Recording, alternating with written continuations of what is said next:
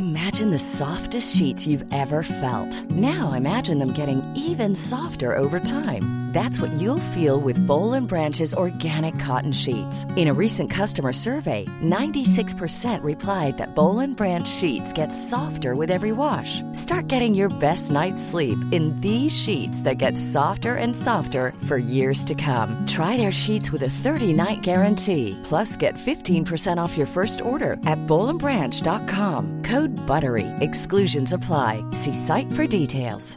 You should celebrate yourself every day, but some days you should celebrate with jewelry. Whether you want to commemorate an unforgettable moment or just bring some added sparkle to your collection, Blue Nile can offer you expert guidance and a wide assortment of jewelry of the highest quality at the best price. Go to BlueNile.com today and experience the ease and convenience of shopping Blue Nile, the original online jeweler since 1999. That's BlueNile.com. BlueNile.com.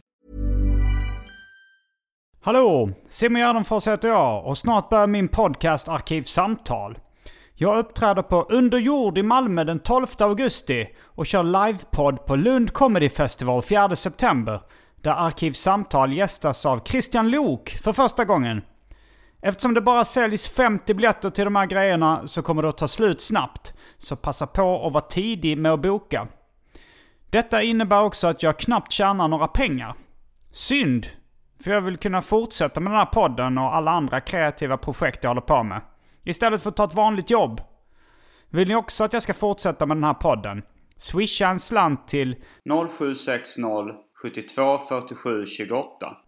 Du kan också bli avsnittsdonator på patreon.com arkivsamtal. Då får du tillgång till massor av exklusiva bonusavsnitt. Och jag har en rundvisning i min nya lägenhet och går igenom mina samlingar på min Patreon-sida också. Kommer snart en del två till det här. Länk till detta plus swishnumret finns även i avsnittsbeskrivningen. En sak till. Glöm inte att följa mig på Instagram. Där heter jag atgardenfors. Men nu kommer Arkivsamtal som klipps av min redaktör Marcus Blomgren. Mycket nöje!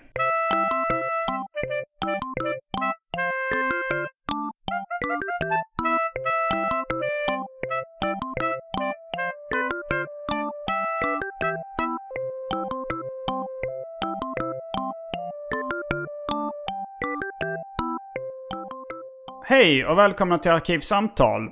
Jag heter Simon Gärdenfors och mitt emot mig sitter ännu en gång Johan Andreasson. Det stämmer. Idag så ska vi prata om svensk seriehistoria. Japp. Tecknade serier och det är del fyra va? Ja, det, det, det, blir nog del fyra. Sen har vi, vi har ju haft två fristående avsnitt också. Mm. Ett där vi pratade om serietidningen Python och ett där vi pratar om eh, Shazam. Shazam. Mm. Men i den här historiaserien så är det här del fyra. Mm. Och um, vi ska prata dels om uh, när uh, mangan kom till Sverige. Ja, det är där vi har hamnat nu kronologiskt. För att jag har för mig att vi kom till precis slutet på 90-talet när vi snackade framförallt självbiografiska serier eh, förra gången. Mm. Och manga i Sverige började ges ut eh, 2000 och det blev ju något av en boom i Sverige. Den, det, det började sakta Eh, sen liksom exploderade det någon gång runt 2006-2007.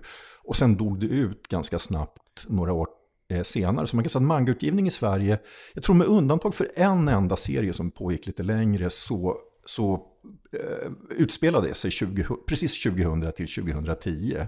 På 90-talet fanns det något fanzine som handlade om manga. Minns du det?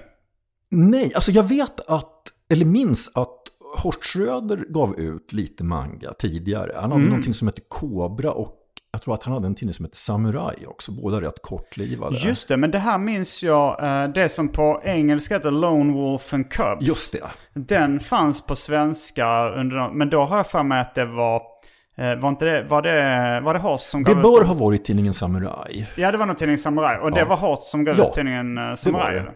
Och sen, okay. det fanns För det var ju mer ett sånt vanligt serietidningsformat. Ja, det stämmer. Och det här var tidigt 90-tal eller? Ja, det måste, det måste vara runt 90 någonstans. Och sen hade det faktiskt gjorts lite försök tidigare att, att Alvglans, som alltså inte bara var en seriebutik utan även ett förlag, gav mm. ut en serie som hette Gen, pojken från Hiroshima någon gång på 80-talet. Mm. tror inte att det blev mer än en bok med den. Kan möjligen ha Och blivit den var japansk serie. Ja, det är en japansk. Och den här Usago Yojimbo. Kommer du ihåg den? Den som var en kanin som var samuraj. Ja, men det är väl en amerikansk serie, va? fast den är väldigt Japan-influerad. Jaha, det kan vi säga. Att den Han, jag har för mig att det heter Stan Sakai, den tecknaren. Han är väl japansk-amerikan, men jag tänker ändå på den som mer amerikansk än japansk. Mm. Jo, det, det är ju den andra grenen i det här. Det är ju liksom serier som är inspirerade av japanska serier. För det finns ju även svenskar som tecknar i manga-stil. Och, Ja. och den här, det här fanzinet jag nämnde, eh, det har jag för mig var, ja det var ju då svenskar som tecknade. Ja. Inspirerat av eh, japanska serier. Jo. Jag får för mig att det fanzinet kan ha varit, eh, vad heter han, Simon Lundström. Det låter väldigt sannolikt, därför att det fanns ju en, en sorts mangakultur i Sverige innan. Eh, alltså jag, jag var ju anställd på Bonnier Carlsen då, 2000, när, när det här började. Och innan... Eh, alltså det, det fanns så att säga ett manga-intresse och det fanns en, en förening som säkert fortfarande finns som hette Manga Kai som ordnade... Och det betyder serietecknare va? Ja, Manga Kai är väl serietecknare. Ja, att- mangaka. Ja. Och Eh, Mangakai det är mer än vad jag, jag bara antar Okej, att det betyder aha. mangaföreningen eller något sånt där. Okej. Jag tror att deras stora grej var nog egentligen att ordna eh, filmvisningar med japansk animerad film. Men de Mm. var väldigt manga-intresserade också och kan säkert ha gett ut eh, fanzines. För, det för Simon Lundström, han var ju eh, huvudpersonen i det uppmärksammade mangamålet. Ja, det Det stämmer. borde vi kanske komma in på lite senare. Men, Ja. men innan eh, vi blir alltför uppslukade av ämnet så ska Ja. vi kasta oss in på det omåttligt populära inslaget Välj drycken.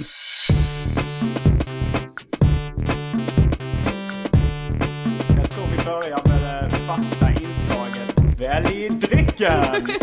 Här kommer alternativen. Pulverkaffe. Sockerfri Snapple.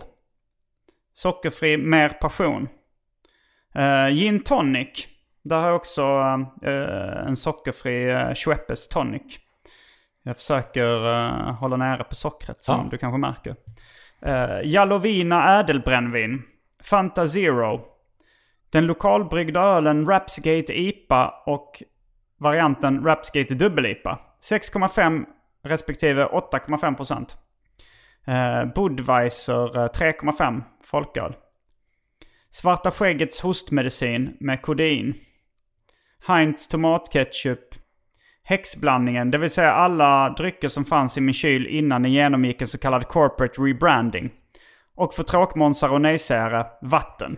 Alltså jag måste säga att det var ett fantastiskt utbud. Och har det ett samband med den här nya otroligt flotta och stora lägenheten som vi sitter i nu? Att du har liksom mer space för drycker också? Ja, det, alltså det, kylen genomgick också eh, någon form av eh, ännu en corporate rebranding. Det är helt nytt kylskåp och då så sorterar jag väl ut lite gammalt skräp och gillar att fylla på den så att den ser ut som i en butik. Eh, att man har liksom samma dryck i en rad hela vägen Ja. in till väggen. Nu, nu är det ganska utplockat där. Ja. Men, men eh, ibland så är det så när, jag, när det är nypåfyllt. Okej, ja, Så det har, jo, det har ju lite... Jag har, um, jag har uh, liksom step, eh, gjort ett kliv uppåt i min livskvalitet. Finare lägenhet, bättre läge, balkong, badkar. Mer dryck i kylen. Jo, och alltså jag kan ju säga också för, ja, av naturliga skäl så hör ju folk bara det här och ser inte. Men alltså Mm. det, det är en lägenhet, det är ju helt perfekt miljö att tala om manga i. För att allt du har, vad jag ser i alla fall i hyllor och på väggarna, är väl, det är väl Japan-grejer nästan genomgående. Eh, Det är väldigt mycket Japan-grejer, men, eh, men inte bara. Det är en del amerikanskt också. Ja. Där kan vi, jag har en, eh, en stringhylla med ja, Japan-hyllan som är bakom dig. Just det. Eh, och sen en, det är USA-hyllan som är mer amerikansk populärkultur till höger där. Ja, Men sen så har jag Pac-Man och Tada, konstnären Tadanori Yoko. Och eh, King of Manga som han har kallats. Eh, Osamu Tezuka just det. har jag Honom, posters honom lär vi komma in på så småningom. Och, nej, men det är mycket japanskt. Och, Ja. Men jag, och, och även eh, omslag av eh, King Terry från tidningen Garo har jag. Det är också en japansk uh, serietidning eller serieantologi som har kallats för Japans Galago. Och det här är väl lite grann sånt som är på väg att komma på svenska tror jag, på lystring. Mm. Eh, jag Lystring, eh, Fredrik Jonsson har varit gäst i den här podden innan och pratat om eh, japanska serier. Men då var vi mer inne på japanska alternativserier Ja. som kallas Gekiga. Ja, Och det, de skiljer på det ganska mycket i Japan, liksom Gekiga och manga. Eh, det, de, det, vissa till och med som, alltså manga är ju egentligen bara det japanska ordet för serier. Ja. Men när man liksom håller upp en garo eh, och, och ser manga så är det vissa japaner som säger nej det där är inte manga, det är Gekiga. ja. Att de skiljer på det så pass mycket liksom. Att det, ehm, men, eh, men det är mer manga vi ska prata om idag. Ja. När, när vi pratade om, jag pratade om manga med Fredrik Jonsson så var det, jag tror väldigt få som kände igen något av namnen eller titlarna han nämnde överhuvudtaget. var jag- väldigt jag- smala grejer. Ja, jag minns ett namn och det, det är helt enkelt för att han, det är en sån här tecknare som väl är på väg att översättas i ganska många länder nu som heter, jag tror man säger uttalar det Suge eller Su- Suge, som Ja. en självbiografisk eh, japansk eh, Som var en tecknare. pionjär i den självbiografiska serien. Var det den som heter The Man Without Talent Ja, engelska? precis. Det är också en titel man lägger på minne. Ja. ja, det, det är en skitstark titel. Det är en- det är- det är en jag blev nästan så avundsjuk. eh, Mannen utan talang. Ja, det är starkt. Och så är den självbiografisk. Ja, men märker nu är vi på väg att glömma drycken igen. Ja, det är vi. nu har Ja, haft det är tid för- att fundera. Alltså jag kan säga att det är en strål, om jag ska liksom fortsätta beskriva läget, det är en strålande sommardag. Så jag känner faktiskt en gin och tonic skulle passa. Ja, det, um, då, du, jag tror att det finns eh, lagom till en gin och tonic. Men då tar jag kanske en, eh, en eh, Budweiser. Okej. Eh, en folköl. Ja, det är väl också lite, lite sommarkänsla över det. Yes. Okej. Ja, men då är vi strax tillbaks med dryckerna kända från det omåttligt populära inslaget Välj drycken. Häng med!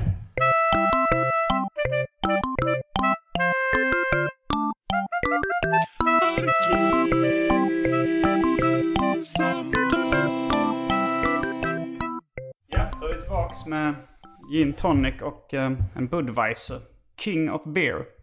Ja. Vi hade ju nyss nämnt King of manga. Okej. Osamu Tezuka. Ja, jo, det är han som då har gjort Astro Boy och sådär. Ja. Jag borde kanske egentligen um, förberett med någon japansk dryck. Pocari Sweat eller en... eh, Eller kanske Umeshu eller Strong Zero eller någonting sånt där. Ja, det här funkar bra. Har du varit i Japan? Ja, jag har varit i Japan en enda gång och det var just när jag, när jag jobbade med manga. Så det var en ren eh, jobbresa, men alltså det var ju en oerhört eh, kul eh, upplevelse. Och jag skulle väldigt gärna åka tillbaka igen någon gång om, om jag får möjlighet. Du har, har väl varit där ganska mycket? Ja, jag tror sju, åtta gånger eller någonting. Ja. Varav en av gångerna var jag där i, i tre månader. Oj, ja. Då hade jag konstnärsnämndens stipendium. ja. Så då, var, då hade jag ett ateljéstipendium där och tecknade, studerade matmanga och tecknade även lite Okej. eh, serier som inspirerade. Jo. Eh, det blev inte så jättemycket serier tecknat. Ja. Det kan jag tänka mig. Alltså, det är ju var, var du i Tokyo då? Jag bodde i en, um, alltså Tokyo, det var, det var liksom inte centrala Tokyo, Nej. men det hette Yokigaya Otsuka, hette det området jag bodde i. Eh, och det var, det var ju jättekul. Det var, det var precis i den här poddens barndom så eh, de tidiga avsnitten av uh, Arkivsamtal uh, inspelade i Japan. Okej. Och eh, det finns, de är fortfarande på svenska men vi pratar rätt mycket om japansk kultur i dem och sådär. Ja. Så att, för att, för det var, hade ju tre månader då Ja. Och då tog jag med poddutrustningen och körde därifrån. Ja, när jag var där, det var nog mindre än en vecka. Det var jag och serieförläggaren Peter Sparring som driver förlaget Kobolt idag. Och Den vi, gamla katten Nisse-redaktören. ja, just det. Det är en, man med många meriter. Ja. och vi besökte, vi var ju där då för att gå på möten med japanska serieförlag. Så att vi, var, vi besökte tre förlag och det är sådana här stora alltså, japanska eh, mangaförlag. Ett som heter Shueisha som är mest kända för att de ger ut en serietidning som heter Shonen Jump. Och jag var då redaktör för så säga, den svenska upplagan av... Shonen Jump. Ja, Det är konstigt för jag, när, min, när jag var liten så var min pappa i Japan eh, och köpte med sig liksom en, en eh, tjock eh, mangatidning. Den var ändå häftad men det var ändå liksom eh, en halv decimeter tjock. ja och så nu, nu, nu drar vi så en gammal referens, men de ser ut som telefonkataloger. Ja, så ja, när fanns det senast telefonkataloger i Sverige? Att, Men, eh, men den hette Business Jump. Och Ja. så stod det så här, eh, manga for business boys. Okej. Vilket är väldigt roligt att, Ja. att föräldrarna har redan bestämt att ungen ska bli en business boy. Och då får Ja. han business-serie. Det var ju, ja, de var, de var ju ganska mjukpornografiska de här Ja. serierna. Och det tyckte jag, jag vet inte om min pappa hade bläddrat igenom det så Okej. noga, hela telefonkatalogen. Liksom. Ja, ja. Men, men jag tyckte det var spännande. Det var ju första liksom, mjukporren jag kom Okej. över som barn. Den business, det låter det finns ju någon, jag tror det är ett pris i filmen Big Lebowski som heter, eh, om jag minns rätt, Little Urban Achievers. Eh, och det, det låter lite som så här business boys ungefär. Att, eh, men alltså bi- det, det, business jump, det låter ju som att det är för lite äldre. För att alltså, shonen det är väl japanska för pojke. Så det, det Okej, är ja. alltså eh, serier för pojkar. Men varför heter de Jump? Alltså det, japanska serietidningar heter bara Jump ofta av någon anledning. Eh, Jag har ingen riktig förklaring det till kanske, de, de kan bara ta ett eh, amerikanskt ord som de Alltså de är väldigt bra. förtjusta i att använda, eh, alltså vil- vilket är märkligt med tanke på att japaner är ju på ett sätt väldigt insulära och liksom enormt så här stolta över sitt eget. Men de är också, Mm. De gillar att låna in amerikanska uttryck. Ja, det finns ju vissa saker um, som när man kommer till Japan som är väldigt, väldigt eh, stora där. Alltså Beatles till exempel älskar många japaner. De är, många älskar jazz. Ja, Eh, det finns en stor hiphop-fandom där också. Ja. Och ehm, de gillar Hawaii väldigt mycket. ja. Om man är på Hawaii så är det också väldigt mycket japaner där. Och, man, och det är mycket så här Hawaii-romantik i Japan. Liksom. Jo, jo det, det är någonting jag minns för att vi, vi var ju så att säga, det var ju mest en jobbresa, men jag hann ju gå i, eh, alltså det här är så länge sedan att det var alltså, skivaffärer, DVD och jag minns att det fanns, alltså jag gillar ju Hawaii-musik eh, och, och jag minns att det fanns enorma mängder eh, Hawaii-musik. Då kanske det blir nästa, nästa eh, ämne du får prata om när den här seriehistorien är över. Får Okej. ha ett avsnitt om Hawaii-musik. Ja, ja, men gärna. Eh, men som sagt, så det var så att säga vårt, alltså mitt huvudsakliga, liksom anledningen till att jag var med, det var ju då att jag var redaktör för den svenska eh, Shonen Jump. Och det liksom ingick de, det Den var hette mer, Shonen Jump i Sverige Ja, också. även i Sverige. Och det var så att säga mer eller mindre ett krav att man skulle åka dit och liksom lite grann presentera sig. Och sen var vi även... Och vilket förlag var det som gav ut i Sverige? Eh, Det, det hette Manga Media och ägdes gemensamt av eh, Bonniers och Schibsted faktiskt. Vilket min gissning är att det är nog enda gången de två förlagen har samarbetat om någonting. Historiskt. Ja. Eh, och sen nästa förlag vi besökte hette Kodansha som är ett jättestort eh, mangaförlag. Också inte riktigt lika stort som Shueisha men det är väl det näst största.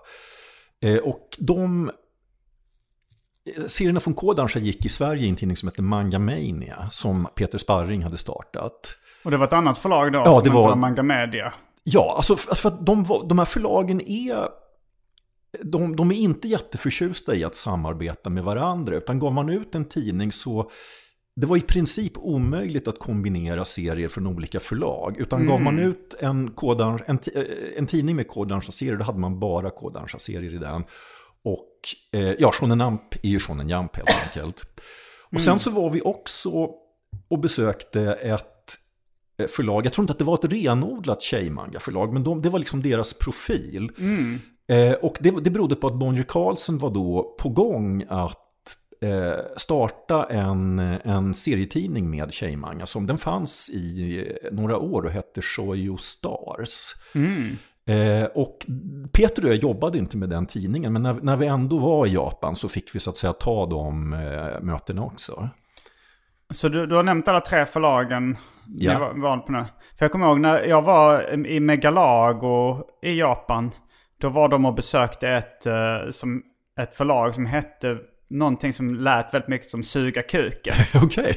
Ja. Eh, Shugakeken Ja, eller något sånt. okej. Men det stavar, alltså U Ja. är ju ofta stumt i Ja. japanska. Men, Jo. men jag, bara för, jag väntar lite. Ska han nämna det förlaget? Det Men de var, det var kanske lite mer geckiga då? Eller lite mer Förmodligen, alltså jag, jag känner igen Jag tror det var de som gav, för det kom ju någon sån här, eh, vad hette det som gavs ut på Galago som är sån här spiraler som är någon skräckmanga. Just det, kan den heta Usagi?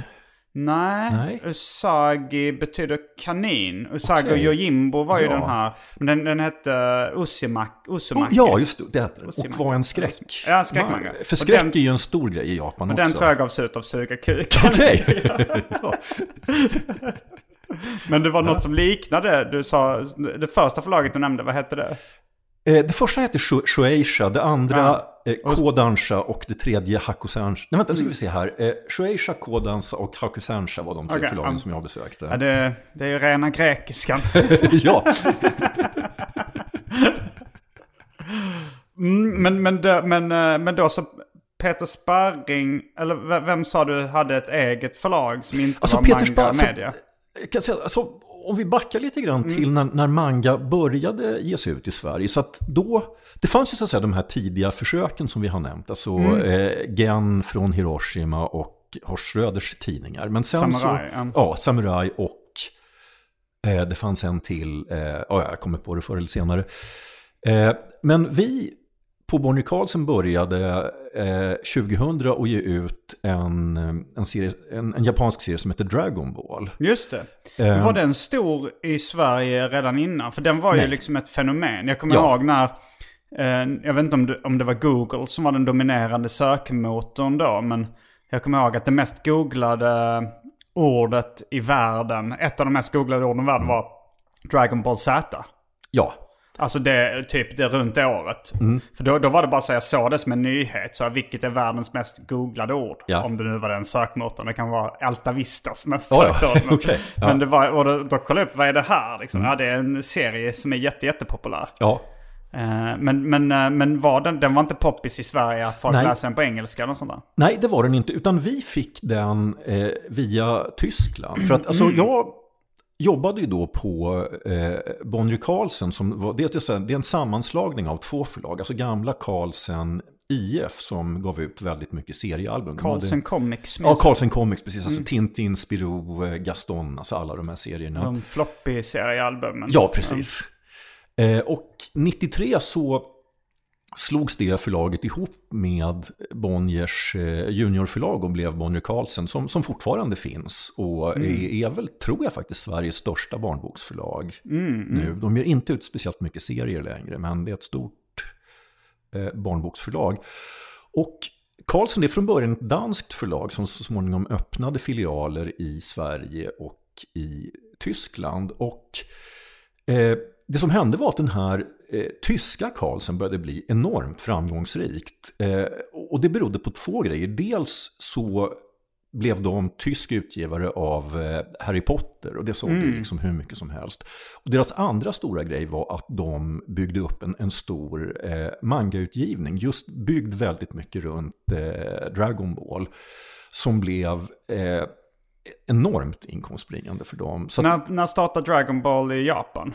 Hur gammal serie är den? den är från 80-talet. Okej. Eh, jag skulle gissa på...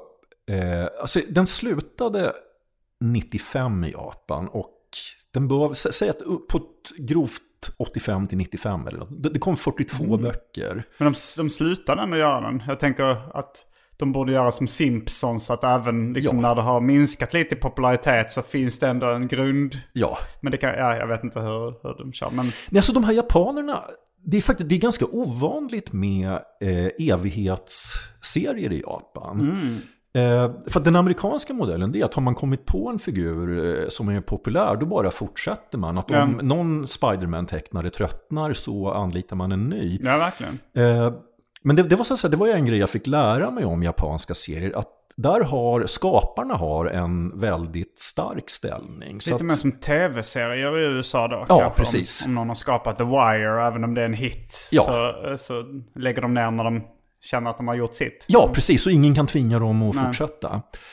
Eh, så det, det var, och sen, alltså har man en så framgångsrik serie som Dragon Ball, alltså den tecknaren Akira Toriyama, han måste ju vara så rik att han inte har liksom minsta anledning att arbeta om han inte liksom av någon anledning vill. Och jag kan säga att de här framgångsrika mangatecknarna, de, de arbetar ju också oerhört eh, hårt. Att den japanska Shonen Jump eh, som, åtminstone på den här tiden, jag tror fortfarande kommer en gång i veckan. Och då ska man producera en gång i veckan ett 20 sidor långt avsnitt. Och det, det, det klarar inte en person att göra. Så i, i, realiteten så är det så att säga faktiskt lite grann som en tv-serie. Det är någon som är showrunner och så har den ett team med mm. tecknare.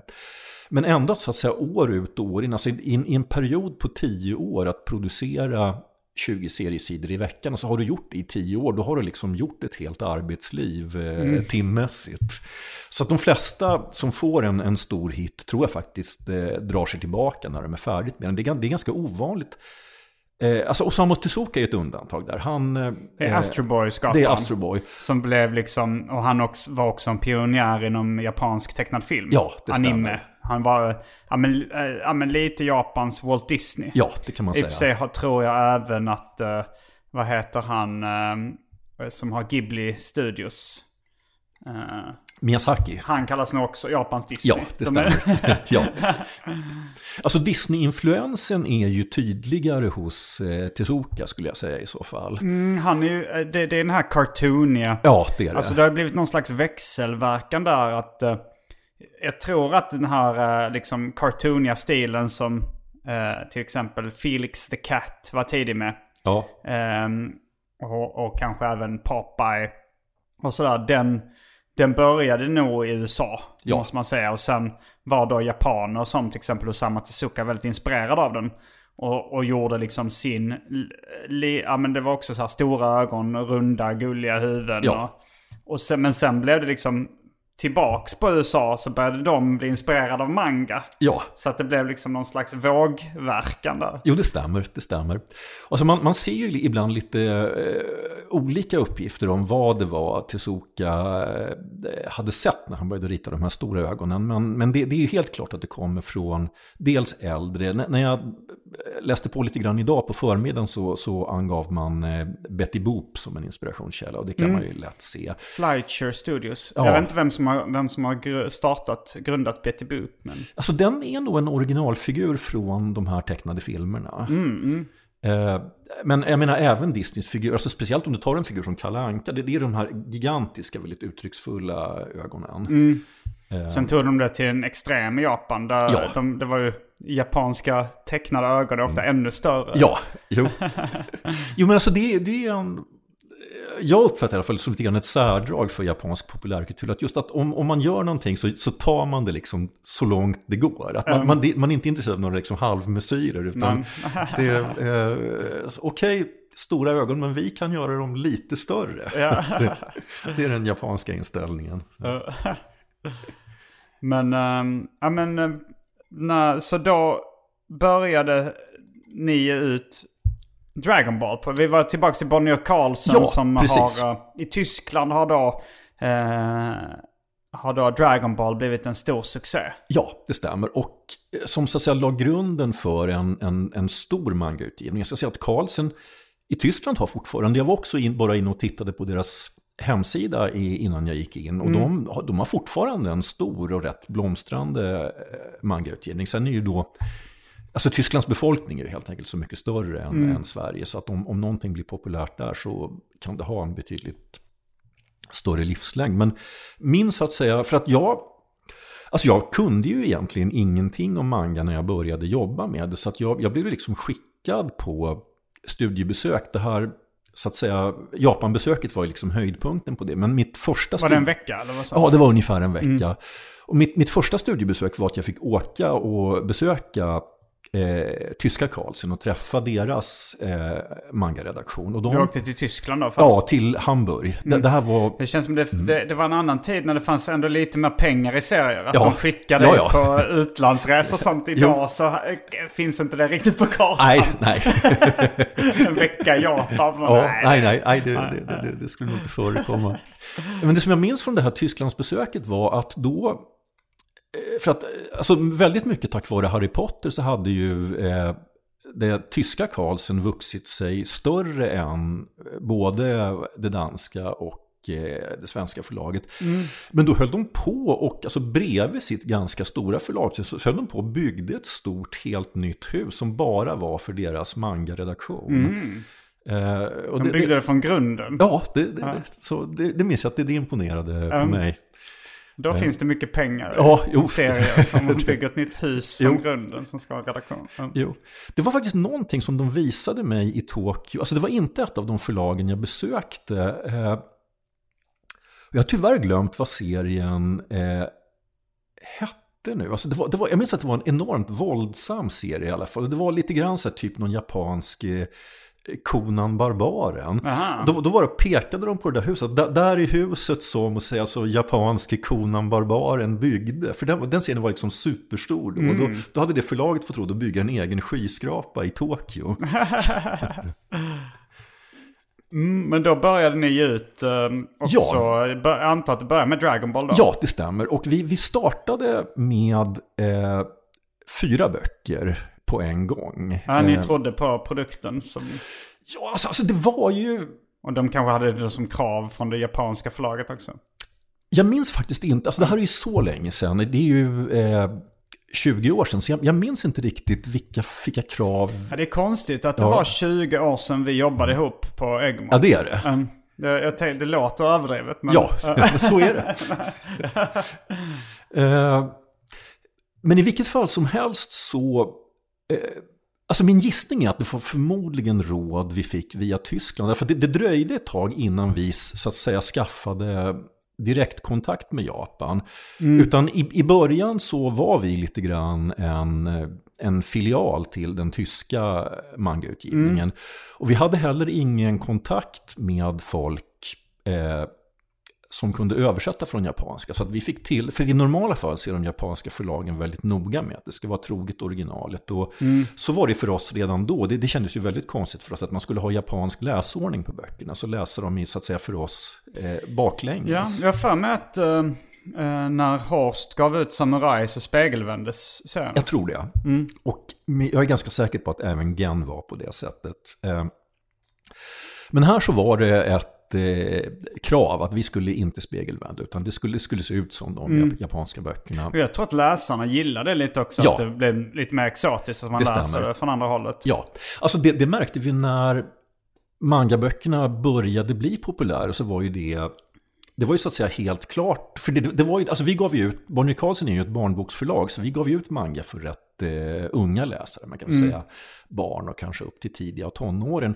Och för dem var ju det en jättebonus att deras föräldrar tittade och liksom inte fattade någonting. Alltså det, det finns ju inget roligare som barnen Nej. något som liksom är ens eget, som är Eh, liksom föräldrarna fattar ingenting. Eh, så det blev, det blev en ren, jag vet, jag vet inte om det var liksom, så att säga uttänkt från japanernas eller, eller tyskarnas sida, men det var i alla fall det som hände. Det ju också lite, eh, alltså om man spegelvänder en bild så eh, förändras ju lite informationen också. Ja, Eh, på många sätt. Så att man förstår ju att det, att det är bättre. ja, visst, självklart.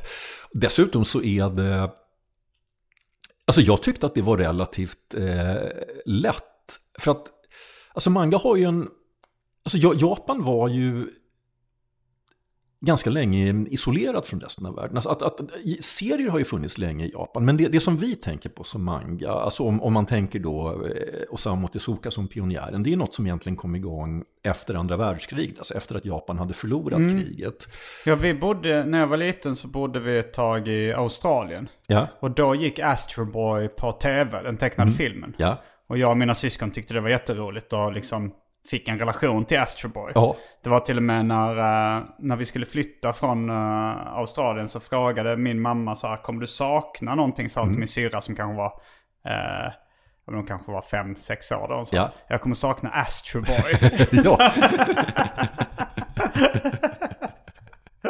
Visst har den en sån här väldigt catchy signatur också? ja, den. Du, du, du, du, du, du, du, du, du, du, du, du, du. Som också då är en, eh, när man åker på tunnelbanelinjen Yamanote Line. Ja. Så när man åker förbi, jag tror det är stationen Takadano Baba där eh, han är uppvuxen då. Ja, Eh, så har de den, eh, varje gång man stannar på stationen så har Ja. de en, den signaturmelodin som spelas. ja.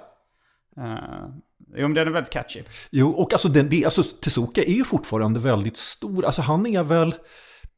Han är väl som någon sorts korsning, alltså lite, lite Japans Walt Disney, men nästan, nästan lite grann Japans Astrid Lindgren också. Alltså han, han är verkligen liksom den stora så här barn... Sen har ju han gjort gjort. Han, han gjorde ju liksom alla möjliga genrer även för vuxna. Men de riktigt kända det är ju de här barnmanga-grejerna. Jag, jag har något minne av att det var... Eller kanske var det inte ja. han som var the king of manga utan the god of manga. Det var någon annan ja. tecknare som ah. var the king of manga. okay. ja. Jag för mig jag var på en utställning med någon som gjorde någon robot som hade ett hjärta på magen som kallades för the king of manga. Ah. Och sen så sa han så här. Så tänkte jag, men Tezuka då? Ja men han är the god, god of, manga. manga. Det finns liksom ännu större. så, ja. Jag har något minne av att om det var antingen på Tokyos flygplats eller om det var på en stor, någon av de stora tunnelbanestationerna att det fanns någon sorts liksom Astroboy eh, monument, att det var liksom som en glob där en liksom Astroboy-figur cirklade runt. Alltså mm. där, jag minns det här lite diffust, men alltså Tezuka är verkligen eh, eh närvaro, alltså besöker man Japan eh, så eh, nu, det är ju länge sedan jag var där, jag var där 2005 tror jag. Mm. Men han var ju liksom högsta grad närvarande i gatubilden fortfarande och är det jo, säkert ja. Eh, än. Mm. Eh. Ja men det är väl som man åker till något väldigt kristet land och ser så här Jesus-porträtt överallt. Ja. Sett så Japan med ja. Astro Boy. Ja, jo. Mm, men, men blev um, Dragon Ballen um, övernattsuccé i Sverige? Nej, det, det blev den inte. Utan det, det, dröjde, det dröjde ganska lång tid. Eh, därför att det här var ju så att säga något... Det var en helt ovan eh, grej för mm. oss. Och alltså om man tar då de här liksom olika delarna av Bonnier Carlsen. Så att, alltså, Carlsen-sidan hade ju då en, en, gam, en lång tradition av att ge ut eh, seriealbum som man sålde framförallt i bokhandeln. Men det här, alltså runt 2000, det hade lite grann dött ut då. Det fanns några, några enstaka eh, serietitlar kvar, men, men inte mycket. Och, så att de, de här ställen för seriealbum, så de, de fanns inte riktigt i bokhandeln längre. Och manga är dessutom det är ett helt annat format, det är eh, pocketboksformat.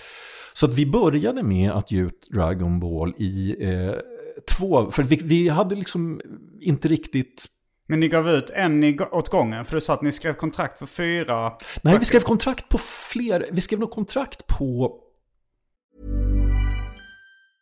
A lot can happen in three years. Like a chatbot may be your new best friend. But what won't change? Needing health insurance. United Healthcare Tri-Term Medical Plans, underwritten by Golden Rule Insurance Company, offer flexible, budget-friendly coverage that lasts nearly three years in some states. Learn more at uh1.com. There's never been a faster or easier way to start your weight loss journey than with PlushCare.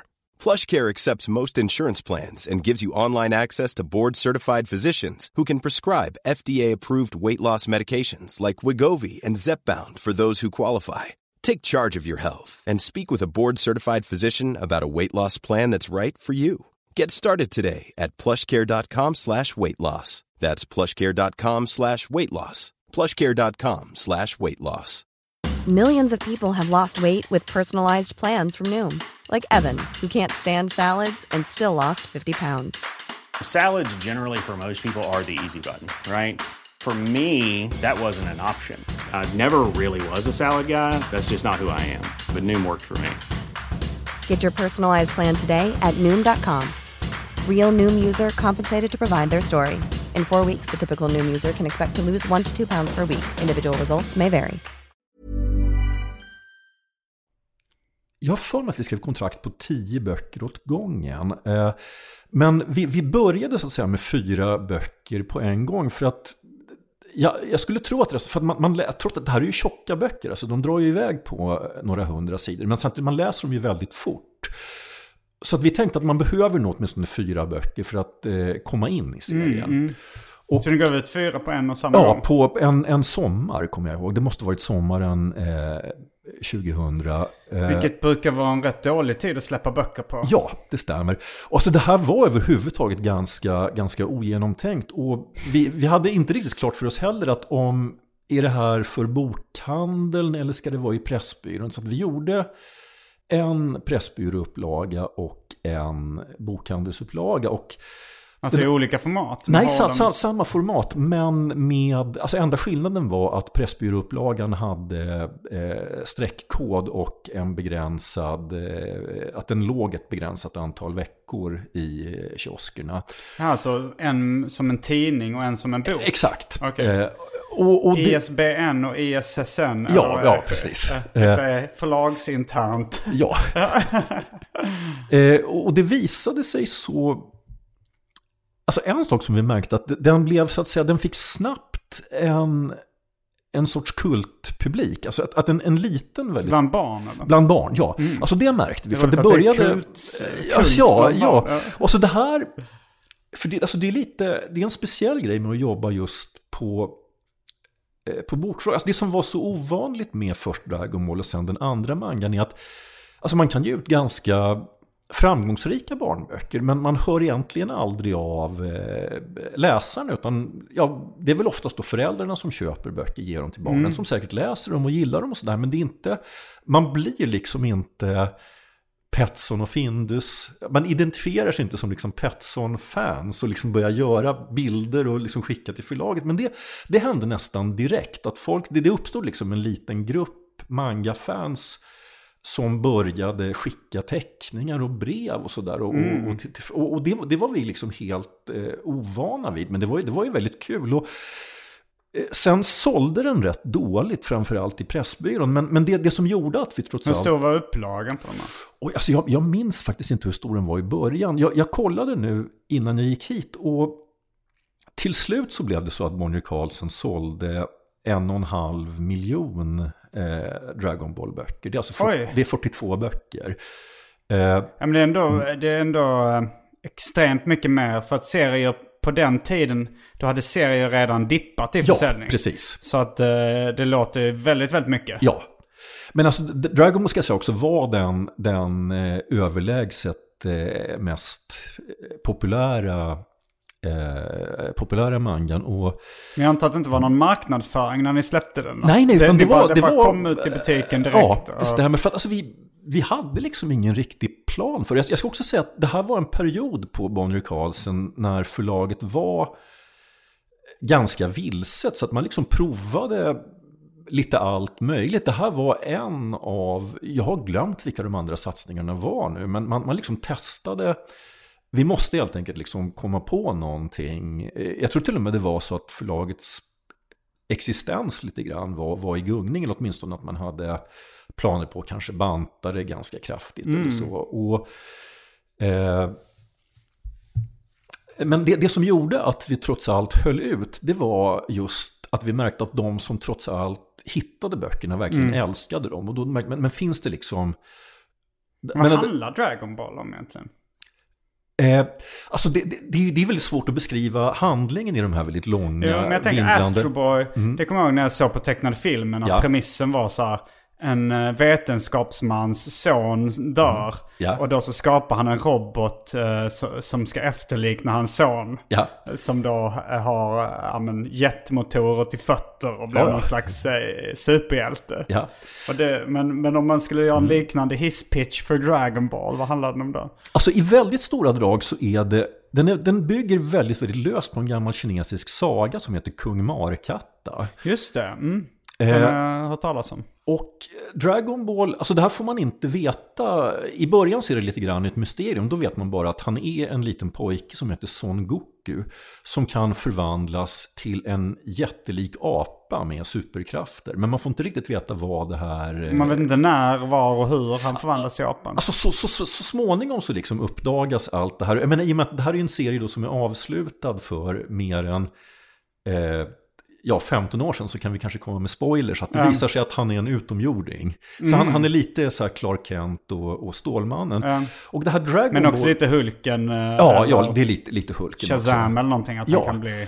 Och om jag minns rätt så är det så att han har inte liksom riktigt koll på sin egen historia heller. Och jag tror inte att han minns vad som händer under de här förvandlingarna. Så han vet liksom inte riktigt om sina identiteter. Och det här att serien heter Dragon Ball, det beror på att det, han är ute på en sorts eh, quest. Att han ska hitta nio drakkulor.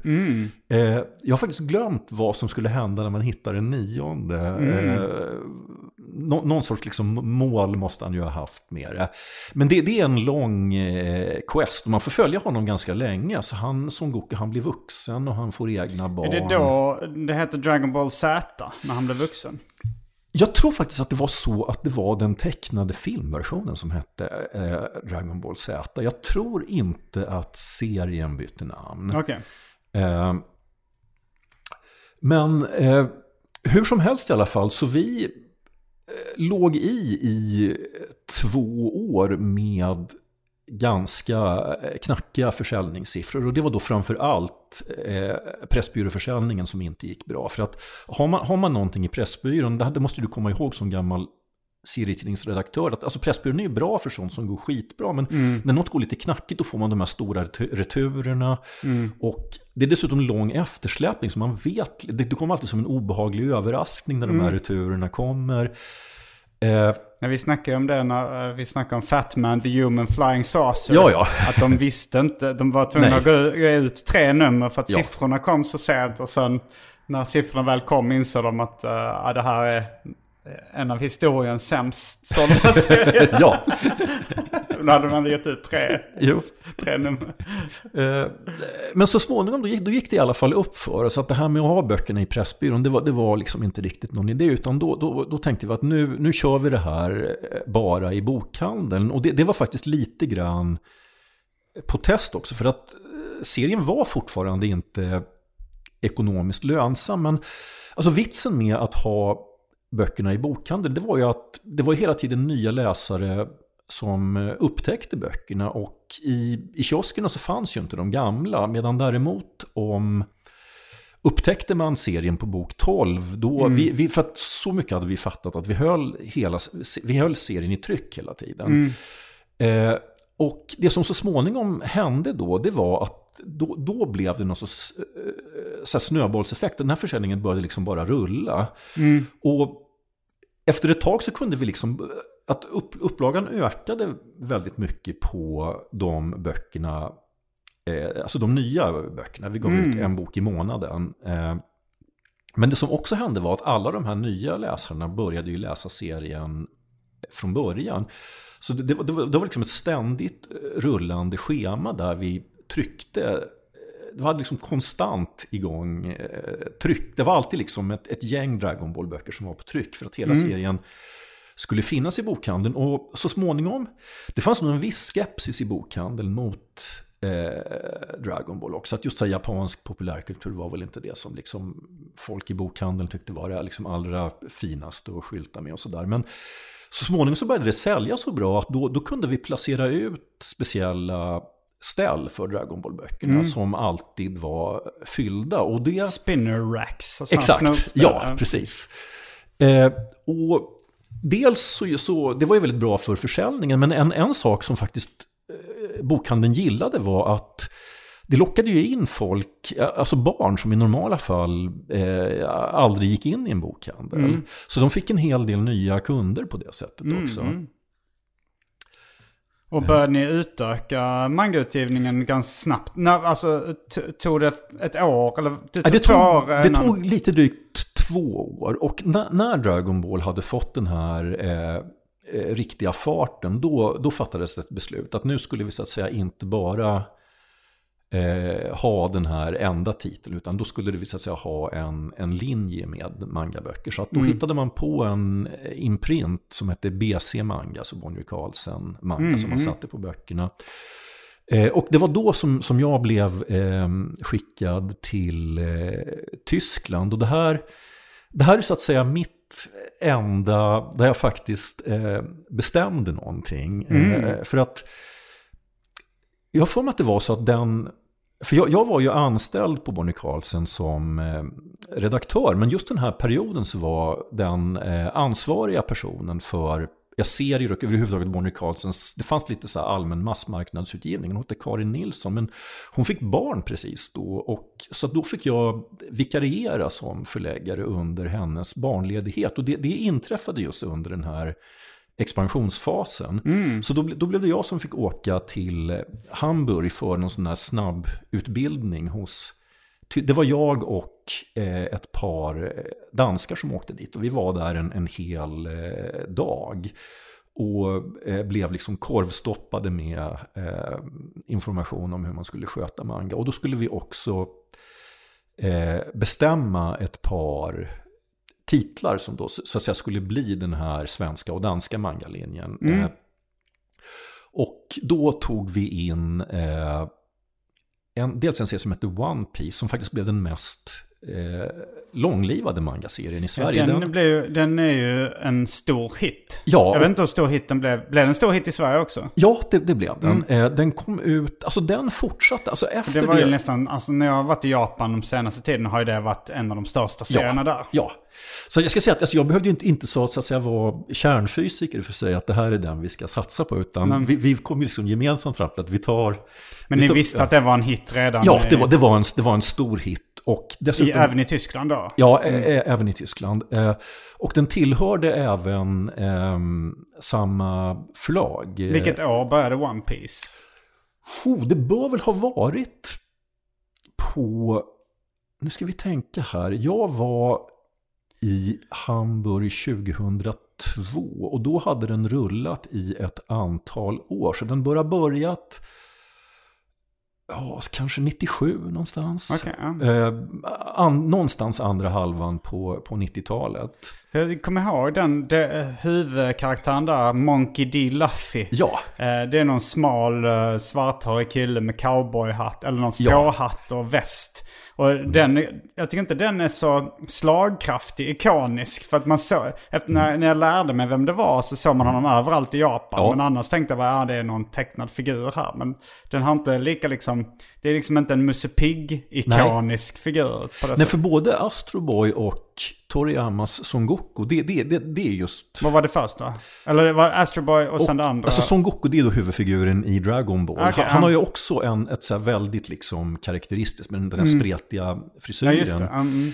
Eh, utan i, eh, i One Piece så måste det helt enkelt varit själva storyn tror jag som, som Mm. var grejen. Och den, den handlar ju om, alltså det, är- det är väldigt utflippat men det är en sorts piratäventyr. Fast Mm. det är liksom superutflippat och väldigt fantasyaktigt och sådär. Mm. Eh, Men den, den görs inte längre? Den jo, den görs i Japan men den kommer inte ut i Sverige längre. Och så den, den lugnar ner sig den hitten i Sverige liksom? Att. Ja, alltså det här, för att jag, jag jobbade själv med manga från 2000 till, jag tror det var till 2007. Sen pågick det eh, manga, alltså Bonnier Carlsen gav ut manga ett par år till, men la i stort sett ner allt 2010, utom just One Piece som fortsatte ett par år efter det. Och, Men Dragon Ball, den sålde till sista numret liksom? ja, Alltså det gjorde den. Hur många, hur många volymer blev det med? F- 42. Okej, Eh, ja. Och det, det är så att säga det är en avslutad eh, serie på Mm. eh, 42 eh, volymer. Mm.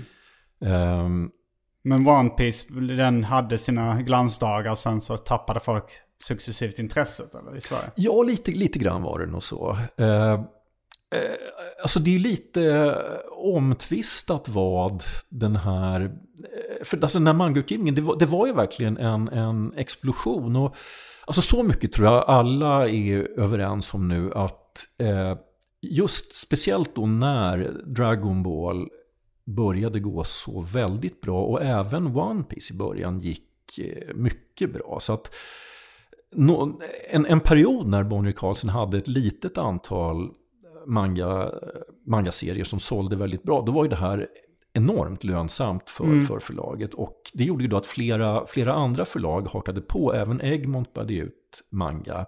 Vad hette deras mangatitel? De, de, deras stora serie var en som hette Ranma av en, eh, en kvinnlig tecknare, alltså en av de här riktigt stora mangatecknarna som heter Rumiko Takahashi. Eh, och sen var det ett annat danskt förlag som hette Mangismo som också började ge ut serier, manga i Sverige. Och även B. Wahlströms hakade på, alltså framförallt med koreanska serier, men som ja, är väldigt liksom manga-aktiga. Och eh, till slut så kom det helt enkelt ut, för det här var ju, alltså böckerna vändes till en väldigt ung publik eh, som inte hade mycket pengar. För det var ju, jag tror, alltså barnböcker det köper ju liksom föräldrar till sina barn. Men jag, jag tror inte att föräldrar riktigt gick och köpte Dragon Ball. Utan det, det fick liksom barnen köpa för sina fickpengar. Och till slut så började det komma ut så mycket mangaböcker att det blev en mättnad. Att, att eh, folk hade liksom inte råd att, att köpa dem längre. Och det, och det, det blev nog lite... eh, ja, det, blev en, det blev en överhettning helt enkelt. Eh, det var något år, alltså 2006 eller 2007, så kom det ut nästan, alltså någonstans mellan 250 och 300 mangaböcker i Sverige. Jag menar, Nästan så, en om dagen. Ja, exakt. Och jag menar, så, så många mangaläsare fanns det ju inte helt enkelt. Eh, Och också en, en kort period runt 2006-2007 så stod manga för, jag tror det var 20 procent, alltså voly, i titelmässigt så för 20 procent av Bonnier Carlsens utgivning. Och det, det, alltså det är också, alltså det var liksom inte en sund, eh, det, det, det, det, liksom, det gick överstyr helt enkelt. Eh, och eh, så att förlagen blev, jag tror faktiskt egentligen mer att det var förlagen som blev brända än att läsarna blev brända. Sen, sen en, en annan sak som spelade in det var ju att det blev också efterhand allt lättare att läsa manga på engelska, alltså piratöversättningar på, på internet. Och eh, grejen med manga är just att man följer ju en, alltså man har fastnat för en serie och, och så följer man den. Och de här engelska piratöversättningarna kom ju snabbare än vi hann översätta dem eh, på svenska. Så att eh, min gissning är att en, en sak som, som förmodligen drabbade One Piece var att när den svenska One Piece väl kom ut så hade de som följde serien redan läst den boken på engelska på, på nätet för ett ganska bra tag sedan. Man kunde väl säkert beställa den engelska pappersboken om man ville det också. Ja, det kunde man Tidigare, göra. liksom. Det, kunde, alltså det fanns ju en, en period när, alltså science fiction-bokhandeln i Gamla stan säljer ju fortfarande manga, men en, en period, alltså under den här liksom riktiga manga-vågen, då, då var det en enorm manga-avdelning där i Gamla Mm. stan. Eh, Vad finns det för mangautgivning i Sverige idag? väldigt, väldigt lite. Det, är, det finns ett litet förlag som heter Ordbilder som ger ut eh, några enstaka serier. Eh, Konstigt att det tvärdog så att det inte ens ja, någonting ges ut. Mm. Men som sagt, jag, jag, jag tror att, för att det här var ju, det var ju, alltså sto, det var ju stora förlag som stod för den här utgivningen. Mm. Men sen tänker jag, för att det var ju också i mitten, som du nämnde, att det var i mitten av eh, internets utveckling i Sverige. Och, eh, och just att jag tror det var säkert många som var intresserade av den kulturen och den estetiken som kanske gick över till anime, alltså Ja. tecknade, japanska tecknade filmer. Och eh, ladda ner det från nätet och kolla Ja. på det istället. Och ja, liksom inte vara eh, gifta med seriemediet. Nej. Utan de, de ville bara ha den upplevelsen. Man kan ju kolla, det finns väl tecknade film, både One Piece och Dragon Ja. Ball och allting. Och, att, eh, och det, är- det är ju mer lättillgängligt för det mesta för folk att konsumera rörlig bild Ja. och ljud än att läsa serier. Precis, och dess, dessutom i de flesta fall eh, gratis också. Eh, eh, för att, eh, så att det, det, var, det var också säkert en, en stor del Stor anledning. Och det är precis som du säger, att, och det, det var också en sak som vi upptäckte att eh, det är inte så att man så att säga bara är just seriefan när man gillade manga, utan det var ju så att säga hel, man ville liksom ha sin Japan-fix. Och det var, det var så Mm. animerad film, det var väldigt mycket man gillade också amerika, äh, Japan, alltså J-pop, japansk Ja. pop, popmusik. Man klädde ut sig. Man klädde ut sig och... Cosplay-grejen. Det fanns väl Ja. sådana mässor och sånt. eh, Ja. Conventions finns Ja. kanske fortfarande i Sverige. Det, det finns, for, det finns alltså, nej, exakt, alltså den, just i år så är den väl förmodligen corona-inställd. Men det, då är jag som har förstått, jag, jag tror att det är nog den alltså deltagarmässigt största seriekongress. Alltså om man nu betraktar det som en seriekongress, för att det är ju så att säga hela, det är väl kanske mer en japansk populärkulturkongress än en renodlad seriekongress egentligen. Eh, Och det är då i Närke, därför att det är Närcon. Ja, så måste det väl vara. Jag har aldrig varit. Jag, jag var på eh, Uppsala Uppcon ett par gånger Mm. när jag jobbade med manga. Som på den tiden, alltså nu finns det ju en Uppsala seriefestival som är mer så att säga en allmän seriefestival. Men den här Uppcon var en renodlad eh, mangafestival. Mm. Eh, nu ska vi säkert, jag tappade tråden här, det var någonting jag var på väg att säga. Ja, om att man ville ha the full uh, Japan The full experience. Japan Att det experience. var någonting ni sa att när internet kom så kanske... Just det. Eh, Men eh, en annan grej jag har tänkt på, eller vi, bör, det är lite, vi, vi nämnde mangamålet i förbifarten. det stämmer. det, det är ju en ganska intressant eh, händelse inom svensk uh, mangahistoria. Ja, eh, och det, alltså möjligen, nu ska jag säga att det här inträffade så sent. Ja, det var att, efter mangavågen. ja, det var för att, för att man skulle möjligen kunna tänka sig att eh, för att alltså det här handlade ju om, eh, det var ett barnpornografimål och är det så att säga någonting, alltså det absolut sista ett barnboksförlag vill bli förknippat med är barnpornografi. Ja, just det. Eh, men det här... Vill du sammanfatta vad det var som hände i mangamålet eller ska jag göra det?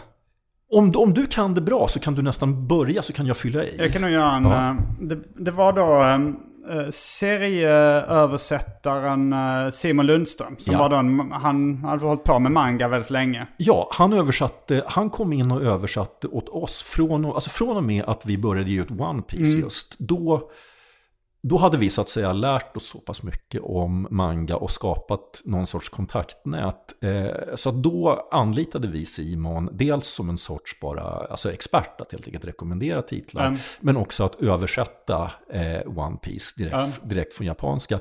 Och han översatte sen ett, ett väldigt eh, stort antal Eh, alltså nu säger jag manga-serier, som det ska man inte säga egentligen. Nej, Det, som serier, serier. Men, Ehm, men han, han, han översatte mycket manga. Han blev så att säga den huvudsakliga, kan man Mm. säga, svenska översättaren av manga.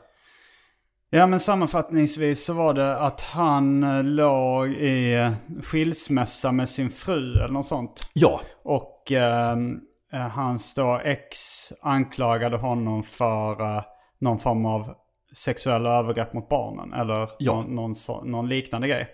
Och då så gjorde polisen en husrannsakan hemma hos honom.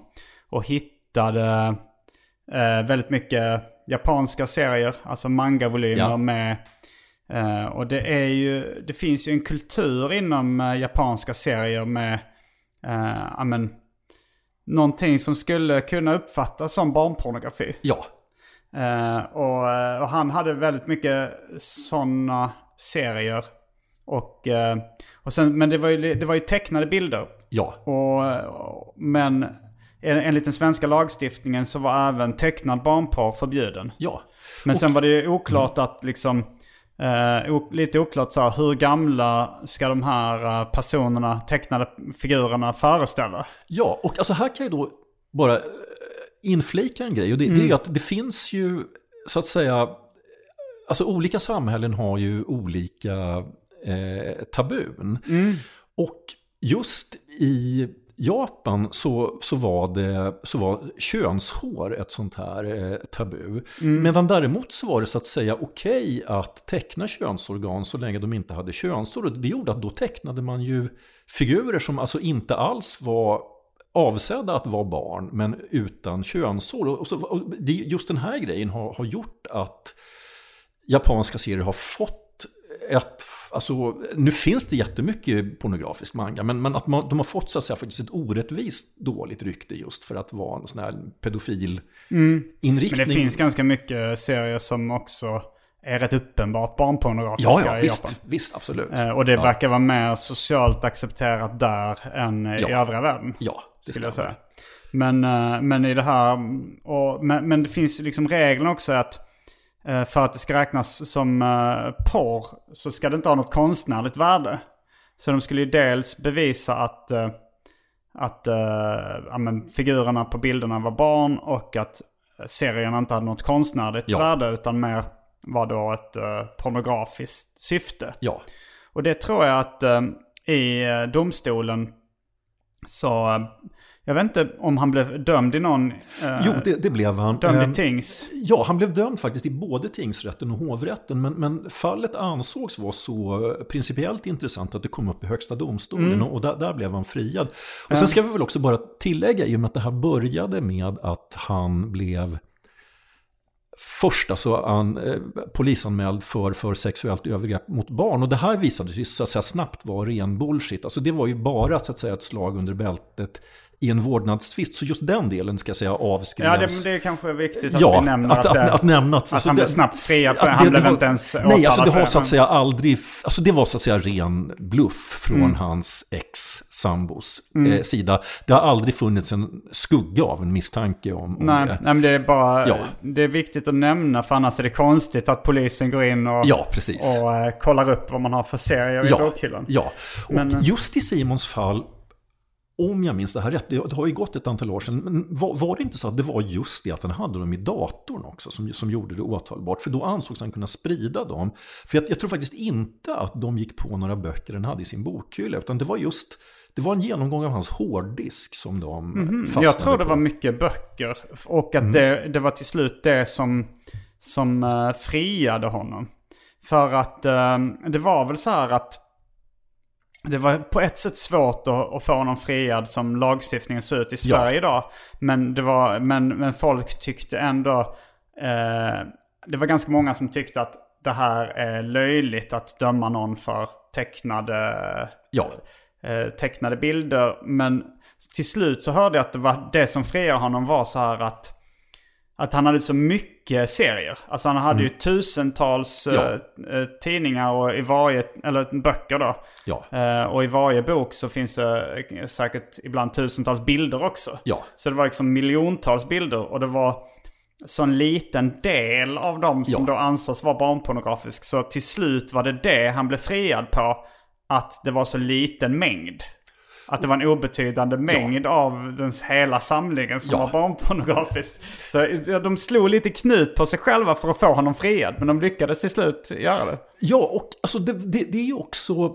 Eh, för att han, han, han blev ju frikänd. Eh, och det blev också så att i stort sett eh, alla bilder eh, blev så att säga Eh, ja, man kan inte riktigt fria en bild. Men alltså de, man så att säga lyfte liksom den här eh, peststämpeln på bilderna. Men om jag minns rätt så var det så att man för att, för att så att säga inte behöva skrota hela lagen så så i, i så att säga frikännandet så säger de ändå att om det var en eller två av bilderna trots allt betraktas som barnporr. Men som du säger att det var en så liten del av det hela att det fanns inte skäl att, att döma honom. Och som sagt, det var, det var ju verkligen, för att alltså Simon, han försörjde ju sig som expert på japansk populärkultur. Så att enda anledningen till att han hade de här serierna hemma var ju att han köpte ju med sig liksom exempel på eh, alla, alltså det ligger alltså skriver man ett filmlexikon så, så har man också en avdelning med porrfilm. Det var ju inte konstigare än så. Men. Och det här gick ju till slut eh, upp. Alltså, jag ska säga att han fick också ganska, ganska mycket stöd från eh, rätt, till slut rätt tunga instanser. Mm. Eh, och det, det, blev eh, till slut faktiskt omöjligt att Eh, Vad var det för tunga instanser han fick stöd från? Alltså, den, den, den, mest udda grejen jag minns var att Jan Myrdal var ute och försvarade honom. Men det var rätt många tunga kulturpersonligheter. Mm. Eh, jag får mig att det är någon, eh, alltså kvinna man hör rätt mycket på, på kulturen i P1 som heter Ulrika Knutsson som, som försvarade honom. Alltså i stort sett alla med så att säga någon koll på hur en översättare arbetar, arbetar försvarade ju honom. Mm. Um, men det blev väl internationellt uppmärksammat också. Jag kan tänka mig att i, om det hade hänt idag så hade han, hade han nog fått stöd via någon Swish-kampanj. Ja, ja, absolut. jo, men alltså för Simon var ju det här väldigt eh, allvarligt. Att han, ja, ja. Hade, han hade ju i, i många år så, alltså nu så eh, har jag, tror jag nog att hans tillvaro har ordnat upp sig. Jag för mig att han numera arbetar mest med brädspel och sånt där. Mm. Men han, alltså Bonnier Carlsen alltså efter det att han blev fälld så vågade ju helt enkelt inte Bonnier Carlsen ge honom eh, uppdrag längre. Eh, och det, det, tror jag nog faktiskt var med, med viss eh, vånda. Men eh, Bonniers eh, jurister tror jag sa helt enkelt till cheferna på Bonnier Carlsen att ni kan ni kan inte ge uppdrag till en person som är fälld för, för eh, barnpornografibrott. Ja, men sen när han blev friad? Ja, fast då, då, då var liksom var hela grejen, ja. då var det lite, lite för sent. Då gavs det inte riktigt ut någon manga i Sverige längre. Eh, men det, det, det, var en, det var en sorglig historia verkligen. Mm, jo, men också en rätt extrem, ja. liksom, intressant, ja, ja, verkligen. intressant eh, ja. historia. Jo. Men och det är också... Jag tycker också, jag, jag såg just uh, nyligen filmen om Mike Diana. Ja. Uh, som uh, han blev dömd då i Florida för eh, att han, skil, han gjorde, gjorde obscena serier. Ja, Eh, men, men just det här... Det, eh, pudens kärna tycker jag är lite det här att man ska bevisa att någonting inte har ett konstnärligt värde. Ja. För det är så svår eh, definition. Vad har ett konstnärligt värde? Ja. Självklart har... Eh, jag tycker alla teckningar har ett konstnärligt Ja. värde. Det Ja. är så här, det, hur kunde de liksom... Jag förstår inte riktigt hur de kunde i, både i tingsrätten och hovrätten hävda att den här tecknade bilderna har inget konstnärligt värde. nej, nej det, det, det, är, det är väldigt märkligt. Mm. Alltså det finns ju en parallell här till det som eh, Horst Schröder råkade ut för på 90-talet. Eh, när han... Det var en rättegång också. Ja, det var också en Mm. rättegång och han blev också frikänd men eh, precis som... med- Olaga våldsskildring var det han blev Ja, det stämmer. åtalad för. Eh, som också var eh, ett rätt eh, bisarrt mål. Att, eh, jag minns att en av serierna var helt enkelt, man hade bara illustrerat några kapitel från Gamla Testamentet. som ju innehåller oerhört mycket sexuellt våld. Eh, men det är inga bilder i, Bibeln. Nej, nej, bilder verkar vara extra känsligt. Ja. Eh, Mm. Vi, eh, vi kanske får eh, fortsätta med något annat ämne nästa gång. Ja. När det blir dags för svensk seriehistoria-genomgång. ja, precis. Eh, Ja. Vi har hållit på den utmärkta tiden nu. Okej, ja. Men eh, det var allt från veckans avsnitt av Arkivsamtal. Jag heter Simon Gärdenfors. Jag heter Johan Andreasson. Fullbordat samtal.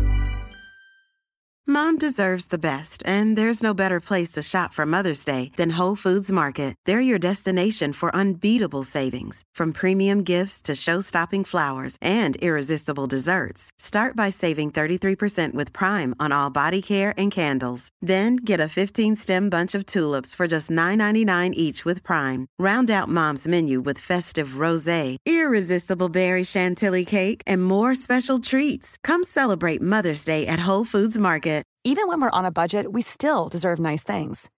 Quince is a place to scoop up stunning high-end goods for 50 to 80% less than similar brands. They have buttery soft cashmere sweaters starting at $50, luxurious Italian leather bags, and so much more.